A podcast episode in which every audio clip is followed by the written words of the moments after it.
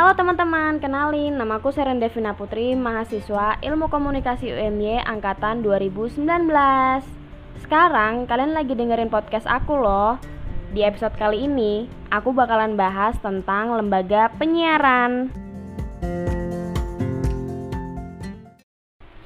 Nah, di lembaga penyiaran ini ada empat jenis lembaga penyiaran yang diakui di Indonesia menurut UU Penyiaran Nomor 32 Tahun 2002. Yang pertama ada Lembaga Penyiaran Publik atau LPB. Lembaga ini adalah lembaga penyiaran yang berbentuk badan hukum yang didirikan oleh negara, namun bersifat independen, netral, tidak komersial, dan berfungsi untuk memberikan layanan untuk kepentingan masyarakat. Contohnya adalah TVRI dan RRI. Yang kedua ada Lembaga Penyiaran Swasta atau LPS.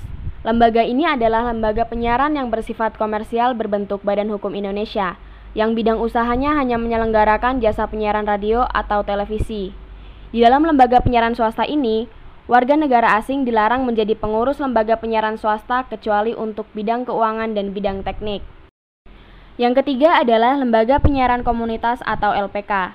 Lembaga ini merupakan lembaga penyiaran yang berbentuk Badan Hukum Indonesia, didirikan oleh komunitas tertentu, bersifat independen dan tidak komersial, dengan daya pancar rendah, luas jangkauan wilayah terbatas, serta untuk melayani kepentingan komunitasnya. Jadi, LPK itu dibatasi, tidak boleh mencari laba dan tidak boleh merupakan bagian dari perusahaan untuk mencari keuntungan semata.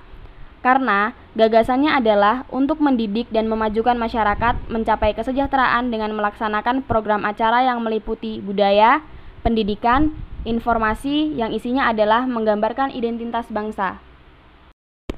Yang keempat adalah lembaga penyiaran berlangganan, yaitu lembaga yang berbentuk Badan Hukum Indonesia yang bidang usahanya hanya menyediakan jasa penyiaran berlangganan dan wajib terlebih dahulu mendapatkan izin penyelenggaraan penyiaran berlangganan. Nah, lembaga ini dibagi lagi menjadi tiga secara teknologi yang digunakannya. Yang pertama, ada berlangganan melalui satelit. Yang kedua, ada berlangganan melalui kabel. Yang ketiga, berlangganan melalui terestrial. Oke teman-teman, sampai di sini dulu ya episode tentang lembaga penyiaran ini. Sampai jumpa di episode selanjutnya.